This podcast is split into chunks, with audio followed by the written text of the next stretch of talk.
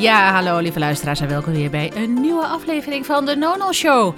Alweer aflevering 30. Ik heb er zin in. Ik ga het vandaag ga ik het hebben over hoe het is voor mij om een Spaans-Nederlandse achtergrond te hebben. Want voor de mensen die mij niet persoonlijk kennen, niet echt kennen, ik heb het er eigenlijk helemaal niet over gehad in de podcast. Ja, misschien her en der, helemaal in het begin. Um, maar ik heb dus een Spaanse moeder en een Nederlandse vader. Ik ben opgegroeid in Doetinchem, of all places, in de Achterhoek. Um, en ik wil het erover hebben, want het zegt heel veel over hoe ik de wereld zie. En ik ben heel erg door, uh, hierdoor gevormd. Ik heb dus ook niet dat ik me identificeer met ik ben Nederlander, ik ben een Hollandse. Um, maar ook niet, ik ben een Spaanse. Uh, ik identificeer me niet met een van de twee. En nu ben ik inmiddels 46 jaar, maar ik heb het daar best wel lastig mee gehad. En um, het is grappig, want ik heb dus echt heel veel jaren heb ik uh, internationale vrouwen heb ik uh, gecoacht en begeleid in hun leiderschap, in hun loopbaan, met hun burn-out herstel tot vorig jaar. En dat heb ik eigenlijk een beetje opgezocht, omdat ik me heel erg goed kon identificeren met hoe het is als je een andere achtergrond hebt dan de Nederlandse achtergrond en je woont hier in Nederland. Omdat het, ja, het is gewoon een culturele, een cultureel gebeuren.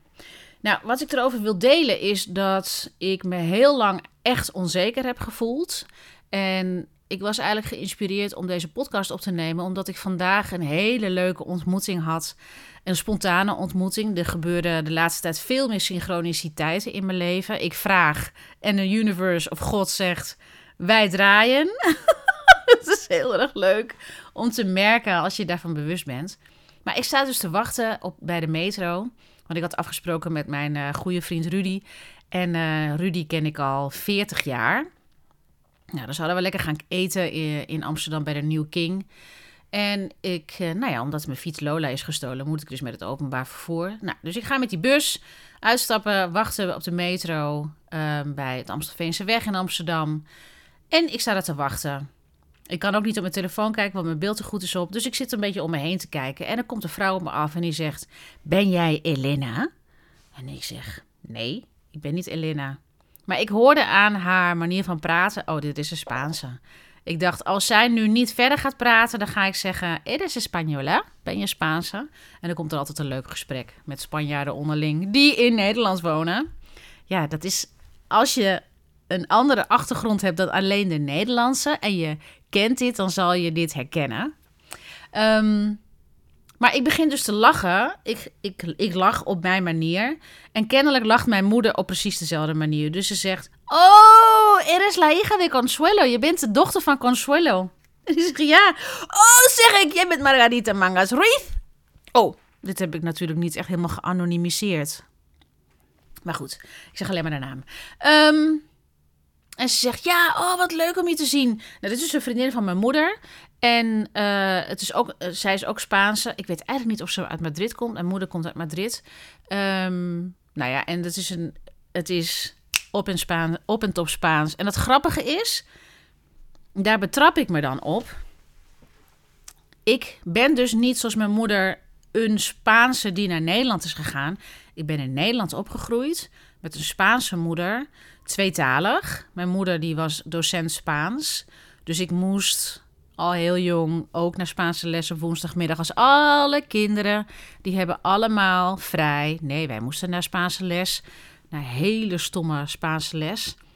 Um, mijn moeder sprak altijd Spaans met ons. Dat heeft ze eigenlijk altijd gedaan. Ik sprak met mijn moeder Nederlands. Maar ik kom zo even op. Ik merk altijd dat ik een beetje een detour maak met het punt wat ik wil maken. Maar goed, dat maakt niet uit. Um, wat er gebeurt namelijk op het moment dat ik met een Spanjaard in aanraking kom in Nederland, dan alsof mijn hersenen en mijn hele. Uh, dan ga ik dus van chip veranderen, van softwareprogramma. Het is net alsof het een softwareprogramma is, Spaanse taal en cultuur. Ik weet niet of jullie de Matrix hebben gezien, dat, dat iemand zo helemaal ingeplucht zit en dat hij dan jiu-jitsu kan uh, leren met zo'n softwareprogramma. Nou, het, het is niet dat ik ingeplucht zit in een andere, uh, in een zo'n ding, maar wel alsof in je hersenen uh, een diskje open gaat of er gebeurt iets of de bibliotheek gaat open met oké, dit is het Spaanse programma met zo praten we, zo doen we, um, zo handelen we, zo bewegen we. Het is namelijk niet alleen maar de taal, het is alles. Alsof elke vezel in mijn lichaam geactiveerd is op Spaanse taal en cultuur, Spaans. Het is niet. als ik dus in Spanje ben en ik ben daar een tijd in mijn Spaanse programma, als het ware, en ik kom Nederlanders tegen, dan ga ik weer over op het Nederlandse programma. En ik ben dus heel erg gewend om daarin te kunnen switchen. Als je namelijk een andere taal leert, en maar je bent niet opgegroeid met die andere cultuur en die andere taal, dan is dat toch een soort van ander softwareprogramma. Het is niet dat je echt immersed bent en ook, ja, het is alles. Het is hoe, hoe je praat met je handen, het is hoe je je uitdrukt. Het is niet alleen maar een taal spreken, wat ook nog eens een keertje, dat is wel grappig om te vertellen. Ik uh, heb namelijk Spaanse taal en cultuur gestudeerd.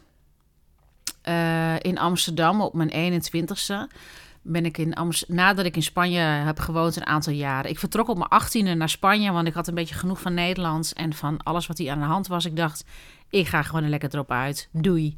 En toen ben ik op Mallorca beland, waar niet mijn familie vandaan kwam, maar daar had mijn moeder een appartement. En uh, um, oh, daar kan ik misschien nog wat over vertellen, over mijn opa. Hoe die uh, in, uh, in woningen altijd investeerde en op die manier zijn geld verdiende. Uh, echt goed geld maakte en ook door het geld niet uit te geven. Maar goed, ik ben dus in Spanje gaan wonen. En toen ik terugkwam, ja, toen was ik wel echt Spaanse. Dan moet ik echt zeggen, ik sprak zo snel.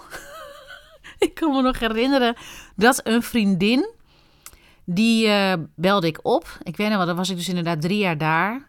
En ik belde op en ik zei mijn naam niet. En de manier van hoe ik sprak was ook de zinsbouw en de grammatica was een beetje à la Spaans. En niet zoals in het Nederlands. Dus, um, en ik sprak heel snel. En toen dacht ze echt, wie is dit? Een of andere, wie is dit? Een of andere buitenlander, dacht ze. Ik zeg, hé, hey, uh, ik, uh, Pietje Puk, dit, ik, ik ben het, ik ben Eva. Oh, Eva, jeetje. Ik herkende je niet eens, want het was ook gewoon de hele intonatie was anders. Omdat ik zo, dat heb je ook wel met die types, die Nederlanders die dan twintig jaar in Amerika wonen en dan een beetje zo praten, weet je wel.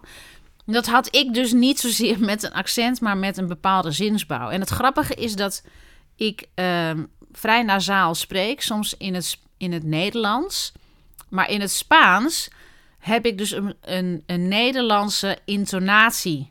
Dus ergens, al, ze horen niet dat ik Nederlandse ben, maar ze vragen wel altijd in Spanje: Kom jij uit het noorden of uit Catalonië? Omdat het de intonatie is toch wel een beetje Nederlands. Het is natuurlijk een vermenging, want als je een taal spreekt, ik weet niet of je daarvan bewust bent.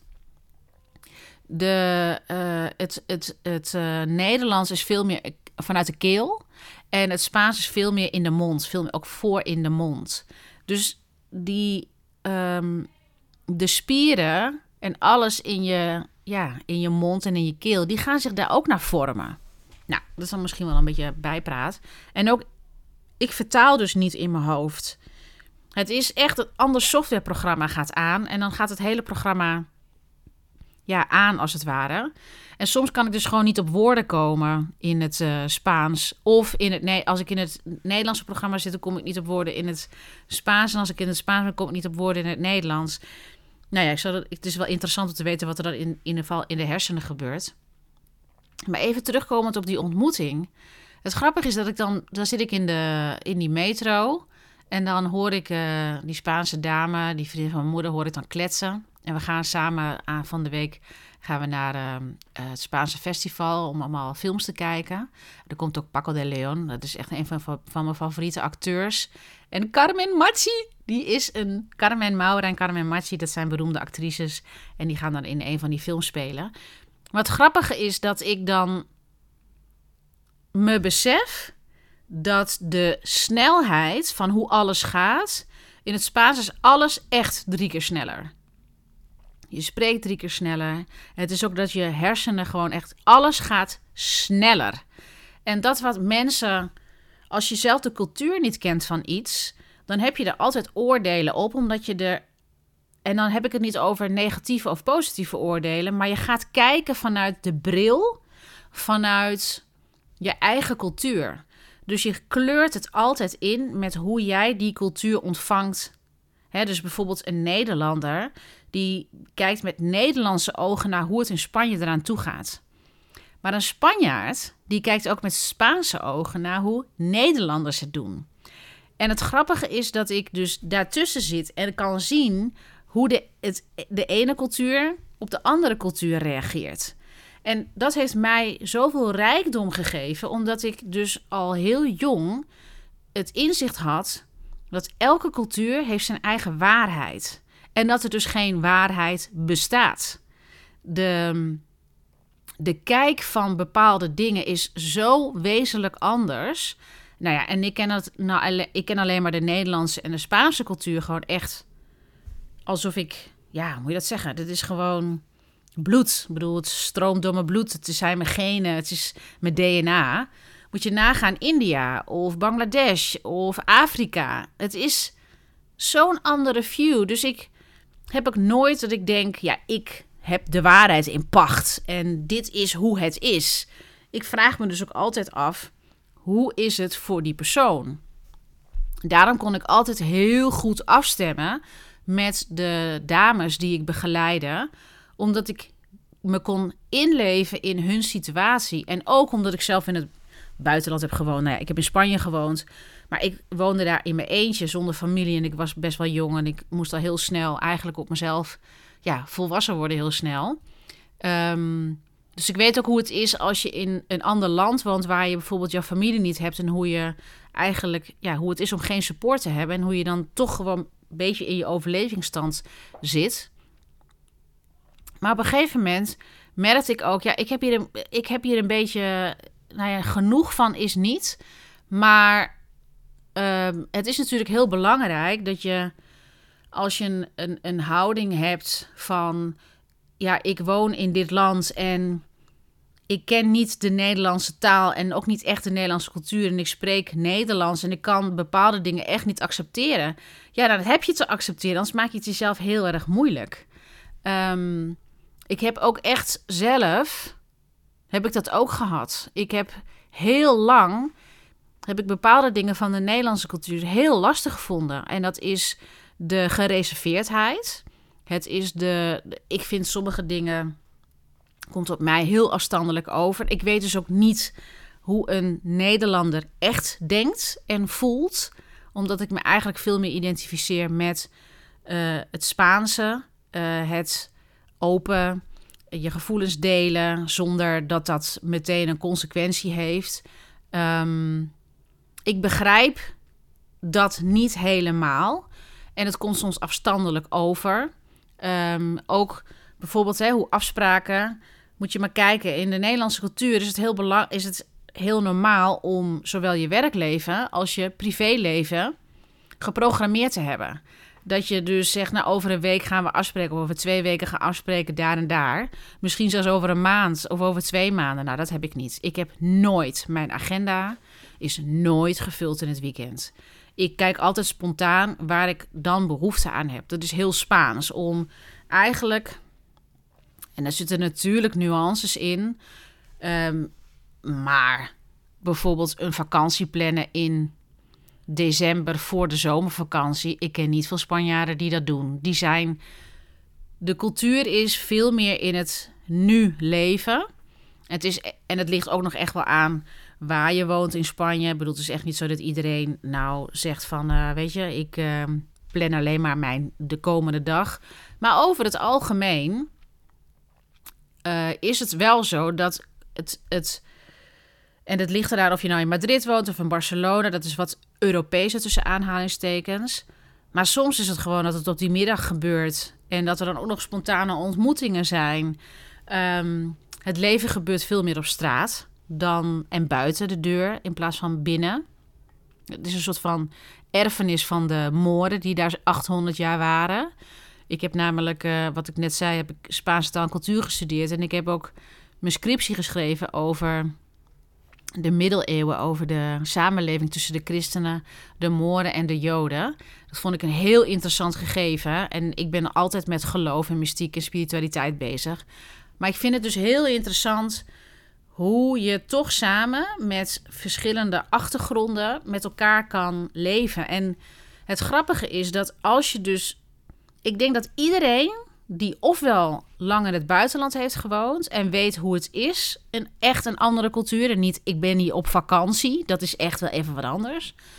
Of je bent dus inderdaad van je hebt verschillende landen gewoond, uh, of je ouders komen van een andere cultuur, dat je de wereld echt op een andere manier ziet. En ik vind het rijkdom. Het was ook wel heel lang een soort van verwikkeling of een hoe moet je het zeggen? Ik vond het heel lang heel lastig, want ik wilde heel lang niet Nederlands zijn. Ik vond het. Uh, ik was er niet trots op. Uh, omdat ik. Ja, gewoon het gevoel. Ja. Ik kan het niet uitleggen. Het is, voor mij is het Spaanse is heel warm. En ik voel me heel ontspannen als ik in Spanje ben. Ik voel me echt thuis als ik in Spanje ben. Dan moet ik wel zeggen wat ik heel Nederlands heb. Ja, het, en ik bedoel zeggen, ik wil ook zeggen, ik heb dat nu niet meer dat ik. Eerst was het altijd zo tussen Spanje en Nederland en nu maakt het me eigenlijk niet uit. Uh, maar ik heb dat wel lang dus inderdaad gehad. En wat ik merk is, het, wat, er zijn natuurlijk ook dingen die ik niet leuk vind aan de Spaanse cultuur, of Spaanse manier. En dat is dat hele chaotische, dat ik denk, my god, moet alles dan in het moment gedaan worden? Vind ik zo inefficiënt. Nou, dan komt de Hollandse dame om de hoek en die zegt, nou... En ook heel, dat ik heel erg, hoe moet je dat zeggen, georganiseerd van... Nou, dan gaan we zo en zo en zo doen. In plaats van dat allemaal emotioneel geleuter en gedoe. En het is ook allemaal en dat is aan de ene kant heel fijn. Het is een collectieve cultuur. Dat wil zeggen dat je dus vaak in groepen beweegt. Dus je bent vaak vanuit een soort ja, collectief ben je actief. En hier in Nederland is het heel individualistisch. Um, en dat heeft zijn voor- en zijn nadelen. Individualistisch is fijn, omdat iedereen je met rust laat en je kan, gaat je eigen gangetje. Aan de andere kant is het ook best eenzaam. En zit je met z'n allen soort van in aparte duiventilletjes. En in Spanje is, uh, ja, heb je gewoon je groep vrienden. Maar ook de familie is heel erg belangrijk om daar contact mee te hebben. En um, ja, het is wel grappig, want als je een Nederlander bent en je maakt makkelijk contact, dan word je ook heel makkelijk opgenomen in de, in de samenleving. Het is een heel gastvrij, heel gastvrij gebeuren. En het ligt natuurlijk precies aan de situatie in het dorp of de stad waar je woont. Maar in Nederland is dat toch wat lastiger. En er is iets wat ik eigenlijk bijna nooit te sprake breng. En dat ga ik nu voor het eerst doen in het openbaar. Um, en dat is over hoe wij en hoe, nou ja, hoe wij, hoe ik, ik zal het bij mezelf houden. Wat ik heb ervaren ook in de dat we kunnen denken als Nederlanders dat we met z'n allen heel tolerant zijn en dat we niet racistisch zijn en niet discrimineren. Um, maar als je dus zelf een achtergrond hebt, een andere achtergrond dan een Nederlandse achtergrond, dan sta je echt verbaasd en ja, dan sta je echt verbaasd van bepaalde opmerkingen die mensen naar je maken vanuit een vooroordeel. En dat is vooral mensen met een bepaalde ja, one-sided view echt een monocultuur. Ik ben opgegroeid in de achterhoek, waarin er opmerkingen werden gemaakt naar mijn moeder, die hier op de 22e kwam. kwam. Ze kwam hier omdat ze verliefd was op mijn vader. En uh, uh, nou, ze is naar de Nederland verhuisd. Dat was toen hun keuze. En um, uh, nou ja, het is een vrouw die heeft, een vrouw van de wereld, komt uit een, komt uit een wereldstad, Madrid. En die heeft archeologie en letteren gestudeerd. Het is gewoon een gestudeerde vrouw, slim. Maar dan kwam ze hier en omdat ze geen woord Nederlands sprak... en dat heeft ze natuurlijk wel geleerd, maar nog steeds altijd met een accent. Omdat als je na je twaalfde, dus even de weetje... als je na je twaalfde een taal leert... dan is het bijna onmogelijk om het als moedertaal te leren. Dus dan heb je altijd wel enig accent of ja, je merkt dat iemand dus niet een moedertaalspreker is. Nou, mijn moeder heeft een accent. Ze zegt sommige dingen gewoon een beetje typisch, maar weet je, ze kan gewoon prima Nederlands. Ehm, alleen je merkt wel, ja, dat is iemand die heeft een, die komt uit een ander land. Nou, ik heb wat ik naar mijn hoofd gekregen heb, soms dat ik denk, en, het, en dit is dus waar racisme en discriminatie dus over gaat. En het lijkt heel onschuldig, maar dat is het niet. En voorbeelden zijn dat er kennissen, die kwamen dan uh, vroeger bij ons thuis en die gingen dan. Die gingen dan, uh, dan zei mijn moeder iets. En dan gingen ze naar mij, dan was ik 8, 9, 10 jaar. En dan zei ze: Wat bedoelt je moeder? En dan dacht ik: Wat bedoelt mijn moeder? Je kan toch gewoon tussen de regels doorlezen als ze niet precies helemaal het exacte woord zegt. Um, maar omdat je dan een bepaalde. Ja, ik vind dat dus heel inflexibel. Omdat je dan precies wil horen hoe iemand het zegt. En er is niet een soort van het echt willen uh, begrijpen, denk ik. Ging ik dus inderdaad zeggen wat mijn moeder bedoelde. Maar dat zijn wel dingen dat ik denk. Hier doe jij niet echt je best. Hier vraag jij van de ander dat hij dus perfect Nederlands kan, zodat jij diegene kan begrijpen. Je doet weinig moeite tot geen moeite, want je hebt zoiets van ja, jij bent een buitenlander, jij moet maar zorgen dat jij hier je integreert. Maar ook op een gegeven moment moest, ging zij dus haar diploma, haar universitaire diploma, ging ze in de hal van ons ophangen, in de hal van ons huis. Ging ze ophangen omdat er mensen waren die dachten dat zij gewoon. Zij, was, zij gaf aan huis gaf ze Spaanse les nadat ze nog, nadat, naast dat zij nog allerlei andere banen had. Mijn moeder had iets van drie, vier verschillende functies. Was maatschappelijk werkster, kunstenaar en docent Spaans voor volwassenen en voor kinderen. Um, en dan waren er mensen die kwamen thuis en dan zeiden ze, dan vroegen ze toch van, ja, heeft u toch echt op de universiteit gezeten? Omdat er sommige mensen echt dachten dat als je uit Spanje komt, dan ben je dom. En, en eigenlijk sta ik daarvan versteld, maar het is gewoon een soort ignorance. En die ontwetendheid is gewoon eigenlijk heel erg veroordelend.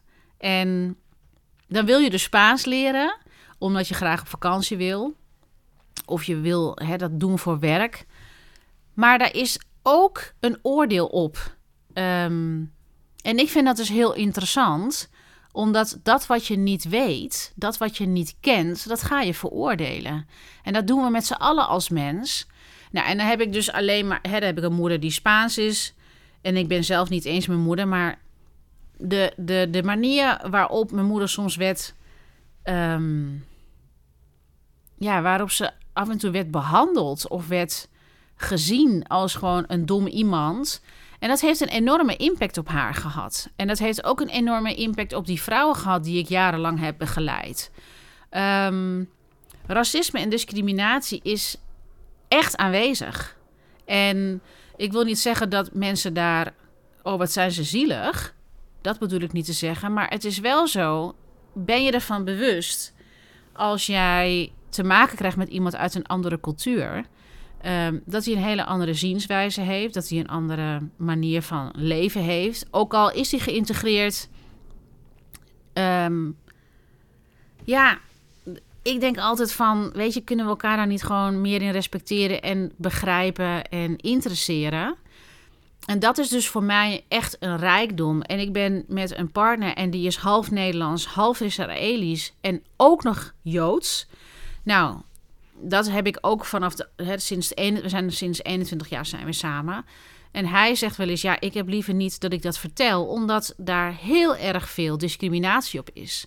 En ja, ik vind dat soms echt spijtig, want ik denk je mag juist trots zijn op je achtergrond. En ik weet wel dat dat met Israël en de Joden. En uh, nou, dan komt een hele Israël en Palestina verhaal. Nou, ik wil me daar Palestijnen verhaal. Ik wil daar me helemaal niet in mengen. Daar hebben dus mensen allerlei ideeën over.